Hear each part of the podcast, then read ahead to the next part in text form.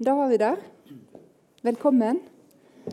Eh, det finnes et TV-program som heter 'Dritseint med Edel'. Eh, og dette her er jo egentlig dritseint med Jens M. Johansson.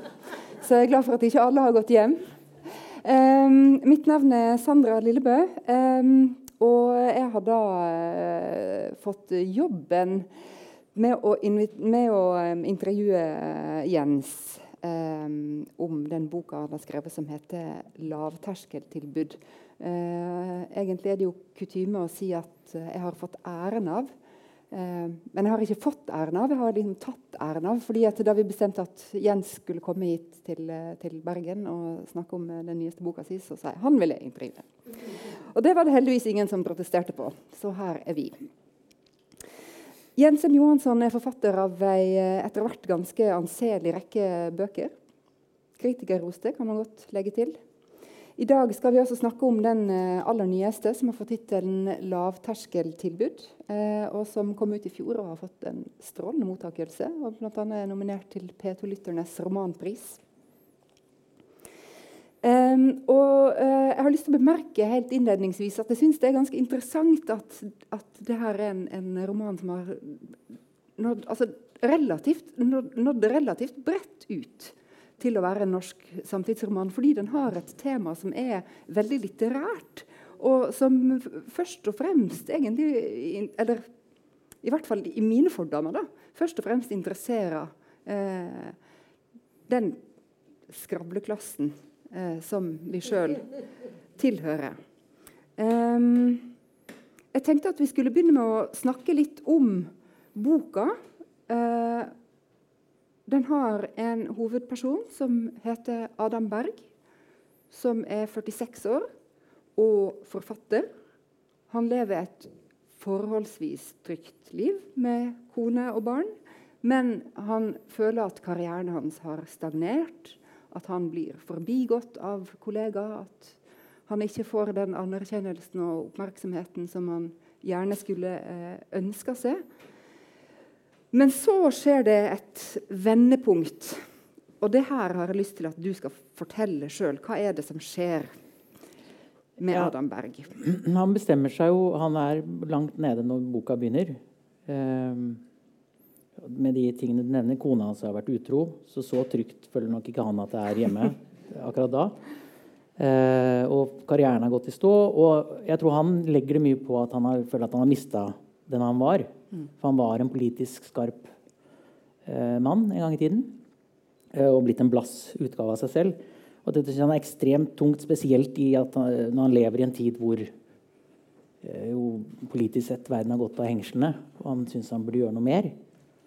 Eh, han kommer på den ideen at ja, går, han skal gå an å skrive en bok som kan både måtte vise overfor kona hvem, hvilken mann han faktisk er, eh, og redde verden eh, samtidig. Og det som skjer, er at det blir utlyst et stipend eh, for fremme av politisk, mer politisk litteratur, og gi de andre en stemme, er vel formuleringen, på, på det utrolige 700 000 kroner. Eh, og han skriver en søknad til dette stipendet som er, eh, som er helt fantastisk, rett og slett. Eh, for dette er akkurat det han brenner for.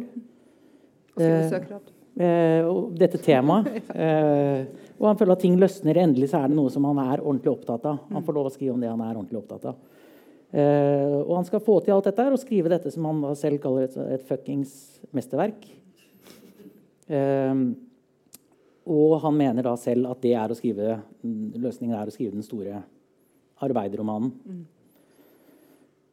Og så har han jo et problem fordi han jo sånn som meg, og sånn som sikkert mange her, eh, kommer fra den kulturelle middelklassen. Eh, så skjønner han jo ganske kjapt at han kjenner egentlig ikke eh, en eneste arbeider.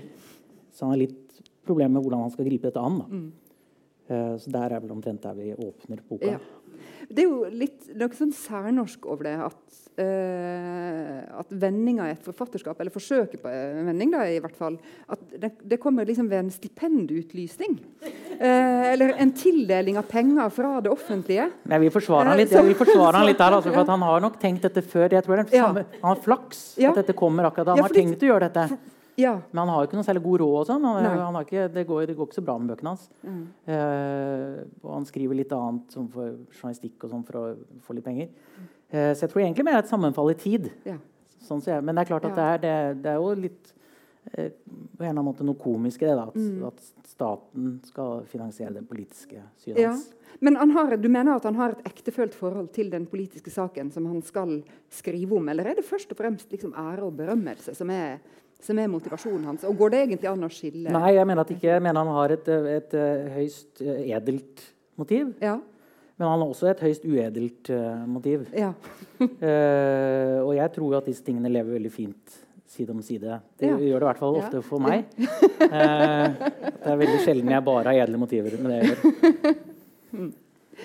Em, du nevnte jo her at Adam Berg han er trygt forankra i, i middelklassen da han starta prosjektet sitt. Uh, slik at Når han skal begynne å skrive den boka her da, som han har fått tildelt 700 000 kroner av staten uh, for å skrive, så uh, begynner han da å, å oppsøke den arbeiderklassen som han nødvendigvis bør ha litt uh, kunnskap om og kjennskap til, uh, ved å intervjue folk som er i manuelle og det man ofte kaller lavkvalifiserte jobber. Og det går jo egentlig sånn passe. Det går sånn passe. Han, har- han griper jo an på at han har gått på, gått på universitetet, så han tenker det er måten å gjøre det på. Han skal liksom gjøre litt undersøkelser og intervjue disse informantene, som han kaller det. da.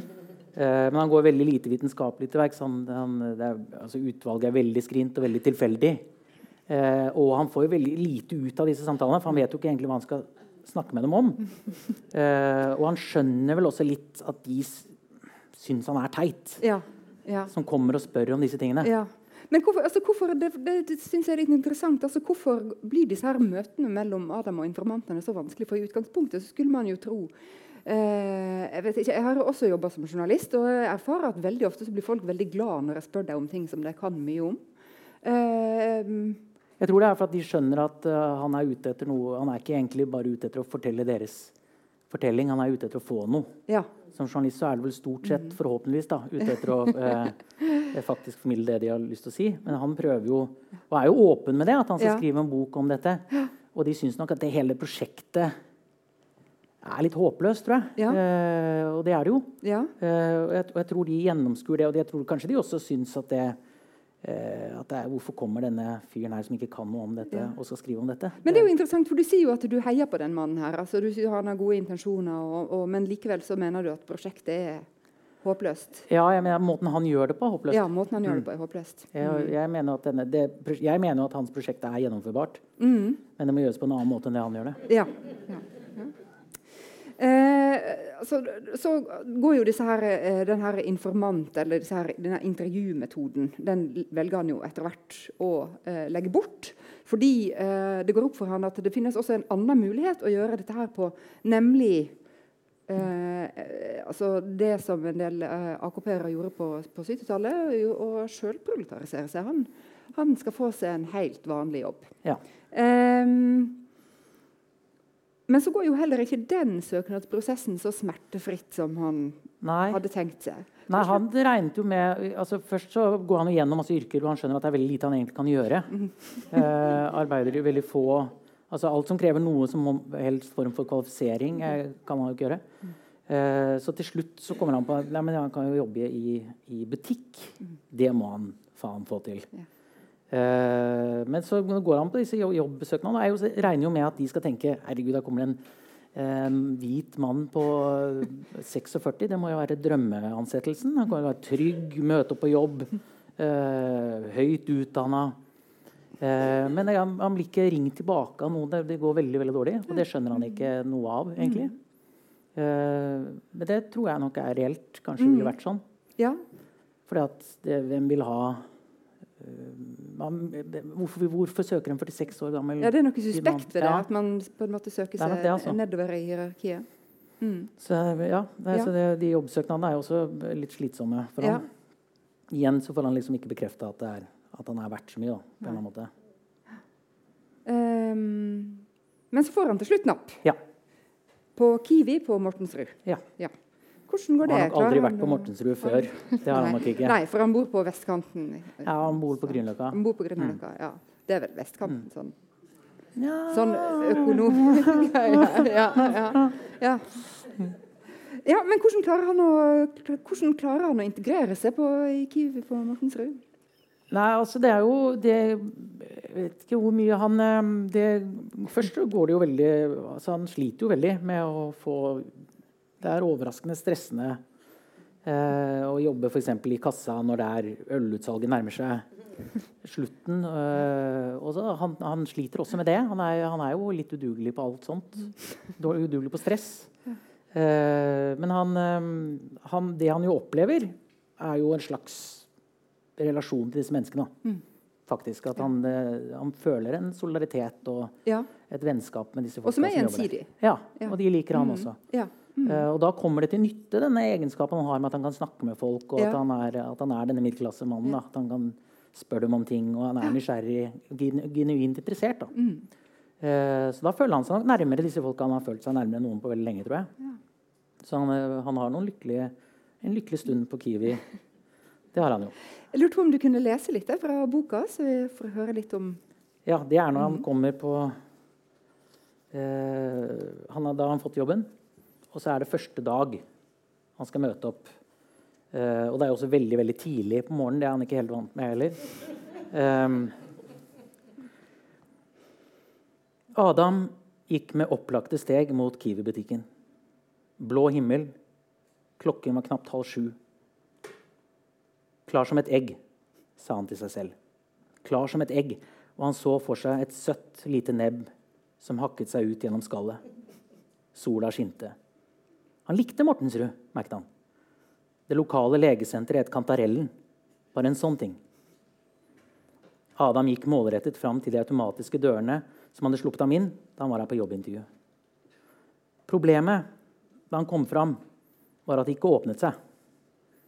Han tok et skritt nærmere, slik at han sto helt inntil glasset. Han ble stående en stund, la prøvende større trykk på foten lengst fram, i tilfelle det var sensorer i asfalten som kunne måle vekten, noe han egentlig ikke trodde. Men han visste ikke hva annet han skulle gjøre. Så forsøkte han igjen. Presset foten ned i fortauet. Lente vekten sin på den, slik at han nærmest balanserte på ett ben, med ansiktet centimeter fra glasset før han tok et fortvilt skritt bakover. Ingen hadde sagt noe til ham om en ansatt engang. Og burde ikke noen egentlig ha tatt ham imot hvis det var en annen vei inn enn sist? Han fikk øye på en kvinne, somalisk kanskje, om han skulle gjette. Vet du hvor inngangen for de ansatte er? Hun så på ham, og tanken kom øyeblikkelig. Hvordan så det ut at en hvit, middelaldrende mann spurte den første svarte han så, om hun kjente til tjenesteinngangen. Hvis du ikke vet det, så skjønner jeg det, altså, sa han i forfjamselsen. Hun betraktet ham fortsatt med et skeptisk blikk. Så lente hun seg litt fram og hevet stemmen. Unnskyld? Jeg lurte bare på om du visste hvor, om du har sett hvor de ansatte går inn. Hun ristet på hodet før hun gikk videre. Og Adam smilte så bredt han kunne til ryggen hennes. Takk, Pinlig berørt, men også en smule irritert over den uhøflige oppførselen hennes, lusket Adam rundt i baksiden av butikken. Ved siden av de tre søppelkonteinerne fant han en dør.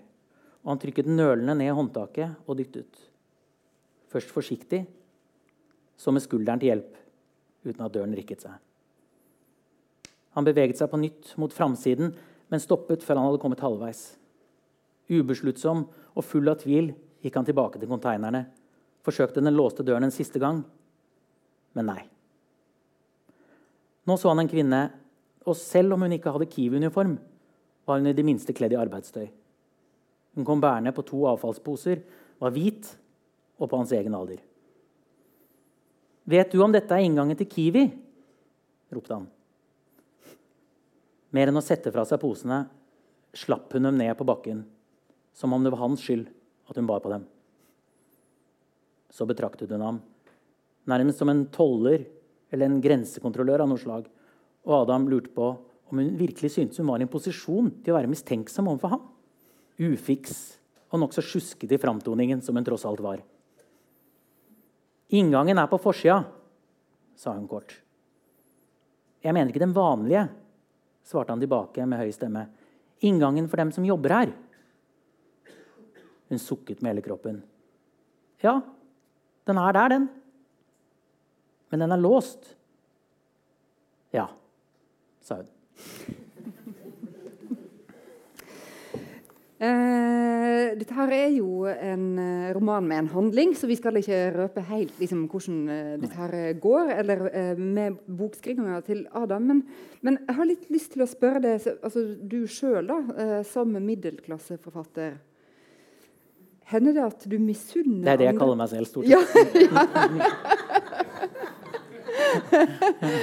Hender det at du misunner andre mennesker deres livserfaring eller livsfølelse?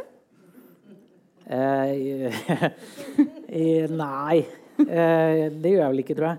Men jeg tror det er altså, Men det er jo noe av det jeg prøver å behandle i boka. Ja. At, eh, at eh, dette ønsket om autentisitet, som forfattere leter etter hele tiden, og, Mm. og sikkert mange andre mennesker òg. og jeg har, tenkt mye på det, at, eh, at folk fra middelklassen lett tenker at det er mer autentisk. At arbeiderklassen lever mer autentisk liv Ja. som jeg oppfatter som et veldig nedlatende Mm. uh, syn. Uh, men jeg kan jo samtidig kjenne meg litt igjen i det. Uh, det er jo noe med kanskje spesielt altså en maskulinitet Mm. som menn fra middelklassen Jeg vet ikke riktig hvordan det er for, for kvinner, men som, som de gjerne vil ha. da. Mm. Som jeg kan jo kjenne sant, som er at man, man å man, man vet jo ikke helt hvordan de, hvordan de lever, egentlig. Eh, så, men, Det er jo en del som vet. ja, noen av jeg, da. Kanskje vet ikke. Eh, så er på, hvis du er på verkstedbilen, f.eks., at, du- at du begynner å imitere eh, det, Dette har jeg gjort sjøl. At Ja. du, man viser bilen, og så går han og å sparker i dekkene. eh, og jeg vet ikke hvorfor man gjør det. Man måler ikke lufttrykk på den måten. Det, det tror jeg. Men da går jeg også og sparker i dekkene. Eh, at, man, at man gjør sånne ting. Ja. Eh, og at jeg tror det kan ligge et ønske i, i, i forfatterverden om å være mer autentisk. Og det, det er mye kritikk mot middelklasseromanen, og jeg prøver å ta opp det. Og at, eh, at det ligger noe nedsettende i det også. At det, at det skulle være mer autentisk. Middelklasselivet er vel så Absolutt. autentisk, tror Ja. jeg. Ja. Mm. Mistenker jeg. ja. Eh, og og eh, Ja, nei, ja. Ja, nå fikk vi en kritisk bemerkning her fra Jeg mente ikke vel så autentisk. um, Det er jo Men jeg, tror, men vi ja. lyst, vi har, man, man, jeg kan tenke at man som mann fra middelklassen kan man ha lyst å øh, øh, være en arbeiderklassemann, men man har ikke lyst til å ha det Nei. som en arbeiderklassemann. Det er jo en stor forskjell. Altså, jeg, Det, har jo, ja. ikke sant? jeg har jo lyst til å ha den autentisiteten som man Ja. innbiller seg er der. Ja. Eh, men jeg vil jo ha min arbeidstid. Ja. ja. Eh, ikke sant? Jeg vil ikke ha låst arbeidstid. Din lønn, kanskje, Jeg vil min lønn, kanskje. Ja. Mm. Eh, så det er det. Ja. Mm. Eh, men det er jo altså i, i den Det er jo, eh, det er jo en roman med hva jeg skal si, med veldig mange forskjellige slags typer referanser, men, men en veldig implisitt referanse går jo til eh, AKP-bevegelsen eh, og deres selvproletariseringsprosjekt Ja. eh, for noen tiår tilbake. Eh,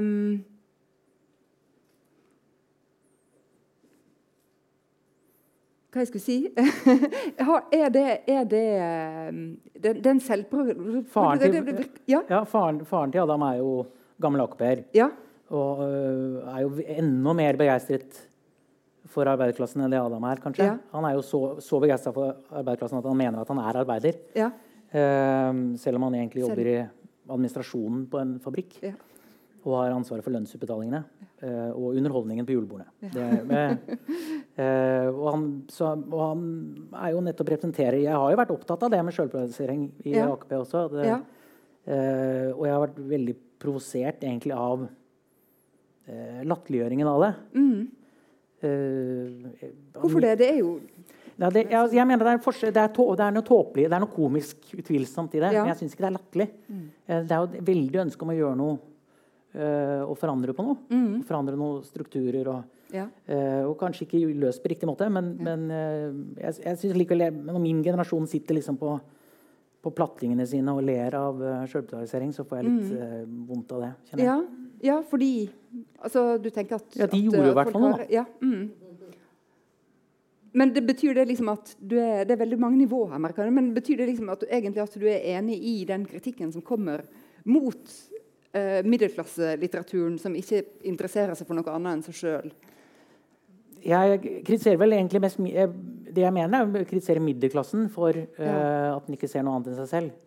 Eh, at, den er, at den har en veldig tendens til å eh, Og jeg syns det blir forsterka når de sier at de, vi bør beskrive At arbeiderklassen er mer autentisk. Så syns jeg det er nettopp at de ser ikke, de ser ikke det. De ser Ja. det som en eh, noe de har lyst til å berøre, men ikke kan noe om. Mm. De har lyst til å smykke seg litt med det. De har lyst til, liker det uålete ved det, men Ja. de kan ikke noe om det. Ja. Eh, og det er vel det jeg prøver å, å Ja. kritisere, tror jeg. Ja, jeg skjønner. Um, men dette her har jo også med eh, identitet eh, og hvem det er man identifiserer seg som, og, altså, og slags, hvordan det henger sammen med den virkeligheten man kjenner, eh, å gjøre. Og det er jo i dag pågående konflikter, ikke minst innen ungdomslitteraturen eh, i, eh, den, eh, i USA. Ehm, der, eh, om hvem, altså, hvem som kan skrive om hvilke erfaringer. Eh, det er enkelte forfattere som har blitt kritisert for å skrive om uh, f.eks. undertrykte minoriteter som de ikke tilhører Mm. sjøl. hva tenker du sjøl om det? Kan en forfatter eh, tillate seg å skrive om hva som helst, samme hvor lite, lite førstehåndskunnskap man har om det? Jeg har tenkt mye på det. Um, jeg, jeg mener, altså, Prinsipielt så mener jeg jo det. Ja. Så mener jeg jo at hvem som helst skal kunne skrive om hva som helst. Mm. Um, men så er det jo derfra til om det blir bra. Mm. Uh, det er jo for eksempel, altså, romaner er jo veldig avhengig av uh, hovedpersonen sin. Mm. Og hvis hovedpersonen bare hvis du lager en hovedperson for å representere noe, Ja. Eh, så vil det jo sjelden bli god litteratur av det, tror jeg. Eh, det finnes jo eksempler fra 70-tallet, for Mm. hvor, hvor viljen om å være polit riktig politisk var Ja. så stor at det ble mislykkede romaner av det. Ja. Eh, men det finnes jo også veldig gode eksempler på folk som har gjort det. P.O. Enquist i 'Musikanternes uttog', eksempel, hvor han skjønner Hvor jo arbeiderne er i Nor eh, Norland, i Vesterbotten, er kristne. Eh, de er på politiets side. De vil ikke organiseres. Eh, og er på fabrikkeiernes side. Og det kommer en feit fyr fra Stockholm og skal organisere dem. Og det, hvor P. Enquist klarer nettopp dette å gjøre det Få opp det grumset i Ja. alle disse personene som gjør at det blir troverdig. på en måte. Eh, men jeg, og for meg så, Jeg tenker at jeg hadde syntes det hadde vært vanskelig å skrive eh, en ren arbeiderroman, hvis vi kan snakke om det. Eksempel, Ja. Jeg hadde følt det som eh, litt som en som vokser opp i Holmenkollen og skal være gangsterrapper. Liksom. At, Ja. eh, at Det ville du ha gjort. At det blir, nei, jeg ville synes at det var litt vanskelig. Ja, Eh. At avsenderstedet ville komme til veien, kanskje. Ja. Så jeg husker jeg leste Tom Wolfe når han skrev um, uh, I'm Charlotte Simmons, heter han ikke det? Uh, hvor-. Nei, som handler om en uh, naiv, blond student, Ja. Eh, og når jeg leste den, så det, at det forstyrret det meg veldig. Det var nok litt vondt å gjort på. Ja. At hun var naiv og blond. og det var litt sånn enkle ting. Eh, at her sitter en gammel mann og skriver dette. Ja. Jeg var, er, er, og det er et spørsmål jeg synes, som jeg ville stilt meg. Er jeg rett person til å gjøre dette? Mm. Er det dette jeg kan best? Er det ingen som kan dette bedre enn meg?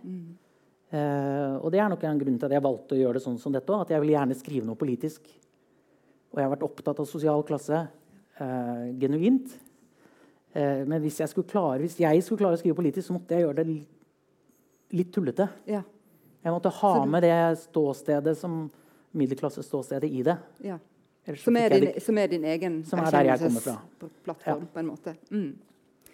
Eh, og når man snakker om slike ting, så handler det jo veldig mye om altså det handler, eh, Disse debattene her om hvem som kan skrive om hva, det handler jo veldig mye om eh, kan hvite skrive om svarte, kan Mm. eh, middelklassen skrive om eh, arbeiderklassen uh, osv. Uh, tror du at det går rundt en arbeiderdikter et sted og egentlig drømmer om å skrive en universitetsroman? Jeg tror ikke det er noen som har gjort det til meg. For, eh, nei, ja, nei jeg, jeg tror vel kanskje ikke det på samme måte. Hvorfor det? Eh, Er ikke det, det Hvorfor den Nå vet, ubalansen? uttaler jeg meg om noe jeg virkelig ikke kan noe om i det hele tatt. For det vet Ja. jeg jo ikke hva de var um, ja, ja, i, I den verden jeg kommer fra, så virker det for meg som lengselen er større andre veien. Ja. Uh, og i boka her er det jo nettopp et, klim, et klimaks er jo hvor en spør men hvorfor tror du, hvorfor mener dere fra middelklassen, hvorfor tror dere at vi er så opptatt av hva dere syns om oss? Mm. Eh, og det er jo noe fascinerende med det. Middelklassens tanke om at det er deres syn som er det gjeldende. At de skriver fra nullpunktet. Ja. Eller vi Ja. eh, skriver fra nullpunktet. Og det har jeg vært veldig opptatt av. Mm. Eh, eh, og vil bort fra. At det er et eller annet syn på, fra oss som fra skriver fra middelklassen at eh, at vi ikke tilhører noen klasse. på en måte. Mm. At, vi, at det er vi som er nullpunktet. Litt sånn som menn kunne skrive hva- ikke var kjønn. Mm. Fram til i hvert fall, ja, Mm. en metoo og sånn. Men altså, hvis at det, du, du litt, du føler at jeg er litt sånn på gyngende grunn, for jeg er litt sånn usikker på det empiriske grunnlaget her. Men hvis at det hadde fantes Ja. en, sånn, en, en, en arbeiderdikter som hadde skrevet en universitetsroman, da, f.eks., Ja. tror du at det ville blitt påtalt eh, og omtalt på den samme måten som det i dag er jo et tema? Ja. ikke sant? Når, Nei, ja, når folk fra eh, middelklassen skriver Jeg, jeg vet jo ikke det, men jeg tror ikke det. Jeg Du tror ikke det? Nei. Nei? Jeg tror ikke det. Jeg tror det ligger en eller annen slags sånn uh, En skam Mm. hos middelklassen også. Uh, I hvert fall denne, denne delen av middelklassen. Ja. Om at uh, Det er noen slags bevissthet at man tar for stor plass. Mm. At man fyller for mye, at ikke andre slipper til. Eh, ikke at man bryr seg så mye om det, Nei. men, at, men, eh, men, eh, men det er en slags Man vil gjerne ta opp den plassen også. Ja, Ja. og det, er jo, det ser man jo. Vi ser jo, eh, vi ser det når eh, Penguin skulle innføre det, eller holde på. Ja. Eh, og Det, altså, det Ja. britiske forlaget Penguin eh, har eh, nå innført interne regler som gjør Eller de vil at innen noen få år så skal all litteraturen de utgir, speiles, kunne speiles i befolkninga i forhold til klasse, kjønn, etnisitet, religion, funksjonsnivå Ja. osv. Ja. Eh, og, ja, og skal starte liksom, eh, både på forfatternivå, men også redaktørnivå. sant? Hente for, de har fjernet at du ikke må, du må ikke ha noen grad for å bli redaktør. og gjort en del sånne grep. Eh, og, og da er det jo fort noen som kritiserer det, selvfølgelig. Og sier at det vil gå på Ok, nå skal vi være politisk korrekte snarere enn uh, satse på kvalitet. ja. Um, og jeg, jeg tilhører jo ikke dem som mener det. Uh, jeg tror jo at det finnes sikkert Det er jo noe rart ved at kulturen former seg av en sånn sne, såpass snever gruppe ja. som den blir. Eh, og det er litt rart å forsvare at det skal være sånn, syns jeg. Eh, og da tenker jeg at jeg, Eller det er ikke så rart, kanskje. Man har ikke lyst til å gi opp den posisjonen. Eller man er redd for å miste den. Mm. Men det er jo ikke så edelt, da. Vi Nei. snakker om motiver.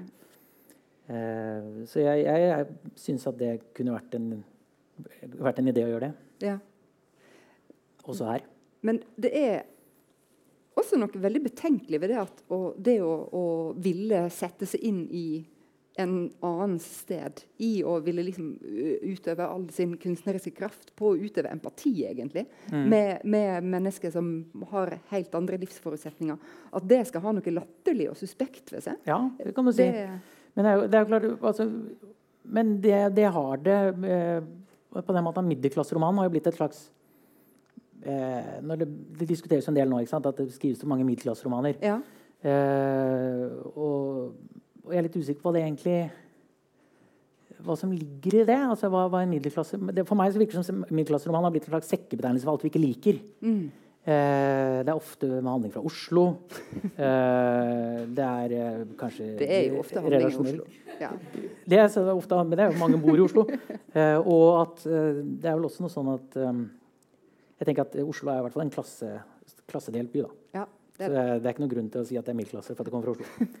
Eh, og at det har blitt en sånn betegnelse på alt, alt vi misliker. Det er veldig sjelden du leser en anmeldelse om en herlig middelklasseroman. Det- det- men altså, det finnes jo kritikere som man kan forestille jo, seg ville absolutt. ha skrevet skrevet Ja, men de det. ville, de ville ordlagt seg litt annerledes. Ja. Eh, men også, det er en interessant ting som har skjedd siden denne boka her kom ut, det er jo at LO, eh, Landsorganisasjonen i Norge, har oppretta en pris eh, på 100 000 kroner som skal deles ut annethvert år. Ikke 700 000, da. Ikke 700 000. Eh, så det er jo eh, ikke like lukrativt. Men, men likevel, den eh, prisen skal fremme arbeiderlitteratur. Og på den måten så har jo egentlig boka di blitt virkelighetslitteratur. Ja, jeg må innrømme at jeg leste nyheten, tenkte jøss, der traff jeg det. Ja, det ja, ja. Men eh, altså, eh, hva, hva tenker du altså, Fordi at det, det er jo Du latterliggjør jo ikke liksom alt som er av stipend og sånt i den romanen, men nei, nei, det, er jo, det er jo noe jeg håper ikke noen stipendfolk tenker det. Nei. Men det er jo en voldsom sånn, det er jo en, en overdrivelse sant, i Ja. romanen din som, som peker på dette her at det er Og som du nevnte i sted også, ikke sant? dette Mm. her med at staten skal gå inn og, eh, og påvirke litteraturen i en, i en eh, bestemt retning. Altså, hva, hva tenker du om den uh, prisen som ja, det første jeg tenkte, var som sagt at det, var, Ja. det er noen som har herma, Ja. herma boka mi. Men, eh, og så tenker jeg jo at, at jeg er jo for hvis det, hvis det kan fremme en annen type litteratur og vide ut spekteret, så er jeg veldig for det. Eh, men jeg, det var jeg til fremme av eh, fortellinger om vanlige folks liv. Mm. Og det lurer jeg jo, da kjenner jeg jo at det er mulig jeg overkompliserer litt, men, Mm. men hva vanlige folks liv Jeg synes det er et veldig vanskelig Mm. eh, begrep. Hvordan de skal, jeg lurer på hvordan de skal, jeg er glad jeg ikke skal plukke ut det. Ja. ja. Altså Er en eh, professor, eneforsørgende professor Mm. er det et vanlig liv? Eller jeg, jeg mener de fattige. Eller hva, hva mener de egentlig? Mener de folk? Eller kulturell selvfølelse. Det, jeg, det, jeg synes det er veldig vanskelig å skjønne egentlig riktig hva de leter etter. Eh, samtidig så skjønner jeg kanskje litt om. Ja. At, uh, men uh, jeg- Man kan, hvert, man kan f.eks. se for seg mange kandidater til den Ja. prisen. Ja da, Ja. absolutt. Og øh, jeg føler ikke at jeg er en av dem. Kommer du til å bli det i neste roman? Eh, Jeg vet ikke hvis jeg tør. Så, Ja. Ja, ja. Hva synes du sjøl altså? Du har jo for så vidt sagt noe om det. At det, altså, det her med kritikken som kommer om den norske middelklasseromanen som handler om en eller annen som bor i Oslo. Eh, synes du at den norske litteraturen er ensidig på noen måte? Eh, nå må jeg jo først si at jeg leser jo ikke eh, alt som kommer ut av norsk litteratur. Eh, veldig, veldig langt ifra. Så det syns jeg er litt vanskelig å svare på. Eh, eh, jeg, jeg synes, for å svare generelt så syns jeg det er et problem at så mange som skriver romaner, har en såpass lik eh, erfaringsbakgrunn som det jeg har. Eh, eller, jeg vet ikke om jeg synes det er et problem, men det er et problem at det ikke er så mange andre. Ja. Eh, og det kan godt være alle, alle oss, men jeg tenker at det hadde vært veldig fint hvis det var mange andre òg. Så jeg har vært veldig for at man eh, fant Det er litt above my pay grade å vite akkurat hvordan man skal gjøre det. Men, jeg, men det syns jeg jo Jeg synes det er vanskelig å være imot det. Ja. ja. Uh, men så har jo ulikhetene i Norge Det har jo vært veldig mye snakk om. Dette her har du, siden du er genuint opptatt av Mm. klasseforskjeller, så har du jo sikkert uh, også lest de nyhetsartiklene som handler om det, om Ja. i Norge som har eh, vokst. Synes du at det gjenspeiler seg på noen måte i litteraturen? Eller synes du at bevisstheten om klasse og bevisstheten om sosiale forhold eh, har blitt større på noen måte? I skjønnlitteraturen. Ja, i I norsk skjønnlitteratur. Ja. Nei, Eller i den litterære debatten, for så vidt. Eh, nei, jeg syns det stopper veldig ofte ved at det bare, blir, at det bare er aggresjon mot eh, middelklasseromanen i Ja. debatten. Eh, Ja. Som jeg syns er en ganske uinteressant debatt. Fordi at nettopp, jeg, jeg skjønner ikke helt hva den inneholder. Eh, ikke sant? Man kan gjøre narr av veldig mye som kommer fra Oslo, f.eks. Med god grunn. Eh, og at det er mye pjatt og sånn i Oslo. Ja, ja. Eh, men da ofte synes jeg plutselig blir alle som kommer fra Oslo, blir tatt til inntekt for Skavlan, som jeg også syns er litt rart. Eh, så, eh, som jeg tror ikke egentlig de fleste i Oslo føler så veldig nært forhold til Ja. de heller. Eh, men jeg, jeg opplever jo at romaner er Og jeg, det er jo en grunn til at jeg har skrevet dette. At jeg, jeg opplever at det er få forfattere som eh, Litt for få forfattere som eh, eh, faktisk er klassebevisste. da. At det, Ja. det er ikke så Det har ikke vært så trendy på en eller annen måte å være det. Nei. At det har ikke vært så viktige ting. At det, og det er andre ting som har gjeldt mer. Ja. Men det skjedde liksom litt sånn en interessant glidning i samtalen. fordi at Vi snakka om klasse, og så begynte du å snakke veldig mye om Oslo. Ja, Um, og, Det var din skyld, for at du sa det i stad. Ja, det var sikkert min skyld. Fast, Det var sikkert uh, min skyld. Men altså, i romanen så kommer det jo med til dels også kraftige utfall altså mot vestlendinger. Ganske generelt. Også særlig vestlendinger sin plass og posisjon i den norske litteraturen. Eh, hva er det som er så irriterende med oss? Altså, det er et sånt spørsmål. Jeg skjønner, skal jeg, ikke, det, jeg går ikke i den fella her. Uh, vært, for lenge siden var jeg i Bergen og ble stilt spørsmål om hva som var da, Og da var nesten alt feil med Bergen. Ikke sånn at jeg mente det, men at det var, eh, det var, politi, var korrupsjonssaken. Ja. Brann holdt på å rykke ned. Ja. Uh, og det var noe politivold da òg, var det det? Mm, jeg husker ikke. Uh, og så ble jeg spurt, ble jeg spurt om det, og så svarte jeg ærlig på det. Og det skulle jeg ikke gjort. skjønte jeg. Det, ikke, det skjønte jeg i det jeg sa det, at det var ikke det de lurte på. Jeg skulle, jeg skulle svart helt annerledes på det. Uh, men når jeg skriver det, her kan jeg komme litt unna det. For at vestlendinger så tenker jeg nok ikke først og fremst på bergensere, sånn som jeg beskriver vestlendinger i boka. Uh, vi skal nok litt ja, vi skal litt lenger nordover? Vi skal til Ytre Sogn, kanskje? Vi skal litt mer den veien, ja. ja. Mm, ja. Uh, og der er det jo mye som altså, og jeg kan, jeg, Nesten alle vennene mine er vestlendinger. Ja. Nesten alle vennene mine er vestlendinger. Ja. Og, uh, så jeg har lov til å gjøre dette, føler jeg. Ja. Uh, ja. Og det er en slags hevn. Jeg har en venn som er innvandrer. ja, ikke sant? Men jeg har, jeg har ti venner. Som, nei, har, og det er en slags hevn fordi de ikke har verdsatt nok at, at, de har en i vennegjengen som all passer på at aldri er stille. Ja. Eh, altså, de har han skvaldrete kameraten fra Oslo ja. eh, som holder praten i gang. Og når det blir litt ugrei stemning fordi at de ikke klarer å ha kontakt med eh, serveringspersonalet uten at det blir litt ubehagelig ja, ja, fordi det er taust og mutt. Og at de da har en kamerat som klarer å liksom overbygge. Og det at de ikke har eh, anerkjent det nok, så tenkte jeg at nå var det på tide å, å ta ut det agget. Ja. Um jeg vil gjerne at du leser litt om det, agget også. Ja. Dette er jo hans, uh, dette er Adams kone egentlig som sier dette. Iris. Skal vi se Adam, ropte Iris fra kjøkkenet. Du må se dette. Jævla vestlendinger. Hun lo rått. Adam gikk inn til henne. Hva? Iris holdt opp forsiden på den ene papiravisen som de fortsatt abonnerte på. Under tittelen 'Vestlandsfannen' sto det Lars Steinvik skriver dikt på siden av Den gode smak. Iris kikket opp. Et ansikt fullt av faen. Hva betyr det? Han elsket henne når hun var i dette humøret. Hun fylte tilværelsen som en dyne som kom på plass i trekket, kunne han tenke. Men etter utroskapen var slike tanker Særlig de som handlet om sengetøy, også farget av sorg. Hun fortjente fortsatt ikke kjærligheten hans. Det skal jeg si deg, fortsatte hun uten å vente på svar. Han skriver om kuk og fitte, om løse bryster under T-skjorter og oldemors rumpetroll. Det siste var et egenkomponert uttrykk hun brukte innimellom. Og det er liksom så herlig drøyt. Naken under stakken, drengfull og kåt. Skriver han det? Nei. Det er mine ord. Den gode smak. Hun fnøs. Det er oss, det. Det spiller ingen rolle hvor mange statsråder og statssekretærer som siver hit over fjellene og spyr ut sitt rasistiske, reaksjonære budskap. Fortsatt slipper vestlendingene unna med å skrive om Oslobygda, om arrogansen de møter her. Ta hun naboen under. Vestlending.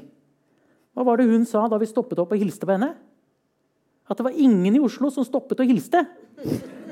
Men hun har faen ikke hilst noen gang etter sju år i oppgangen. Uansett hva som skjer, kan de fortsette å påberope seg et utenforskap og skrive om sin egen eksilskjebne. Selv om de de facto er faste helgespaltister i landets største aviser. Adam hadde satt seg. De facto er nok et uttrykk som kan bli brukt mot det her. Jeg tror det er fjellene som ødelegger dem, fortsatte Iris. Vestlandslandskapet ligger i dem som en verkende, storromantisk byll. De flytter hit, men når de får barn, begynner de å skamme seg av valget de har tatt. Tenk å la sine små nurk vokse opp i Oslo. Men nå har de gode jobber her, flott økonomi. Så som en beskyttelse mot skammen flyter den selvgode stoltheten opp og blir liggende som fett på vannet. De beundrer gårdene som klorer seg fast i en fjellside. De begynner å snakke om den norske kulturen. De er bekymret for den. Og de bor i byen, så de vet hva de snakker om, mener de. Selv om barna deres går på privatskole, for det har de råd til. Og de har selvfølgelig gjennomskuet det offentlige skolevesenet. For dette er mennesker som gjennomskuer alt. De har fjellene i ryggen, mot i brystet og hovedstadsfrakt i blikket. Og hva er vel da mer naturlig enn til slutt å snu seg mot innvandrerne? Snart, når de føler seg trygge eller har drukket litt for mye, snakker de dritt om muslimer og mener de er maktkritiske. Vestlendinger? Selvgode jævler, sier Iris. Der eh, fikk vi litt å tenke på. Skal Men som sagt ikke bergensere. Det Nei, ikke bergensere. Ja. Det er ikke alle her som er bergensere. Nei, nei, nei. Jeg, jeg, Bergen er ikke alle bergensere ja, i Bergen. Nei. Mm. Verden er så komplisert. veldig komplisert. Men det er et veldig interessant, det er et veldig interessant sammenfall mellom eh, klasseproblematikken og distriktsproblematikken i din roman. Som du, eh, du skriver det jo aldri egentlig ut i eh, liksom sånn kronikkaktig form i, i boka di. Eh, men det, det der er et sammenfall. Eh, og Man ser jo det også i de sosiale bevegelsene som finnes rundt i Europa. De gule vestene i Frankrike f.eks. Tydelig sammenfall mellom, mellom klassekritikken og kritikken mot uh, sentraliseringa. Um, ja uh, Hva har du å si til det?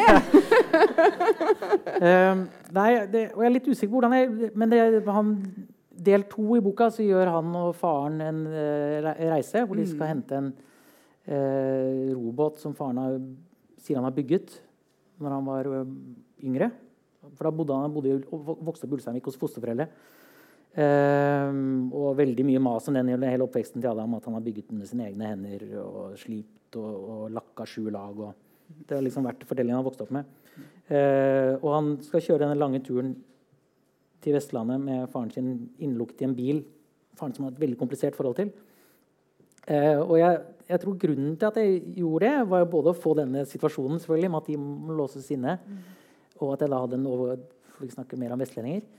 Eh, men, også, og, men også tror jeg var kanskje mer det maskuline eh, enn det er selvfølgelig hovedstadsfrakten, men det er også en slags maskulinitet eh, som Oslo-folk, tror jeg, eh, kjenner på eh, når de kommer til Vestlandet. Ja. At uh, vi uh, får høre at vi snakker med lysere stemme når det er mann ja. uh, enn en og snakker for mye. Ja. og så er det autentisiteten. Ja. Som er vi er veldig mm. autentiske her. Mm i Bergen. Eller, eller, på Vestlandet. Ikke Bergen. Ikke Bergen. Ja. Men i Ytre Sogn er, ja, Sogn er de veldig veldig autentiske. Ja, ja. Såpass autentiske at jo Adam ikke skjønner uh, Han har jo en person han snakker med som han ikke skjønner hva sier overhodet. For han snakker en dialekt som han ikke klarer å uh, deschiffrere, rett og slett. Mm. Hvor faren må oversette. Mm. Uh, men Som også var deilig å skrive. Det var deilig å få lov å skrive sånt, sånt oppgulp. Ja man skjønner liksom at det her var et ektefølt engasjement. Ja, det har ligget og naga der. Ja, altså. ja. I årevis. Um, men hvor går uh, veien videre i forfatterskapet herifra? Ja, det er det jeg skulle gjerne det, Jeg vet ikke. Jeg skulle gjerne Nei, det vet jeg ikke. Det kan jeg ikke. Nei, jeg kan ikke si det. Det kan du ikke nei, si. Kan, nei. Vet, jeg, jeg, vet ikke helt heller. Altså. Nei. Uh, jeg sa til en kompis det jeg gjør, jeg må skrive, nå må jeg sette meg og skrive noe nytt. Ja. Så sa han nei, du trenger jo ikke det. Nei, det er jo faktisk sant. Jeg må jo ikke nødvendigvis Jeg må, da jeg må tjene penger på en annen måte. Men ja. tjener mye, jeg tjener jo ikke så mye penger på det heller. Så ja. det, kanskje Kiwi. Ja. Kanskje Kiwi. Hvis de vil ha meg. ja. eh, tusen takk for tida di, Jens M. Johansson. og takk for, for at du våga det over fjellet til eh, Vestlandet. Tusen takk til alle som eh, møtte opp. Ha en fortsatt god kveld. Tusen takk.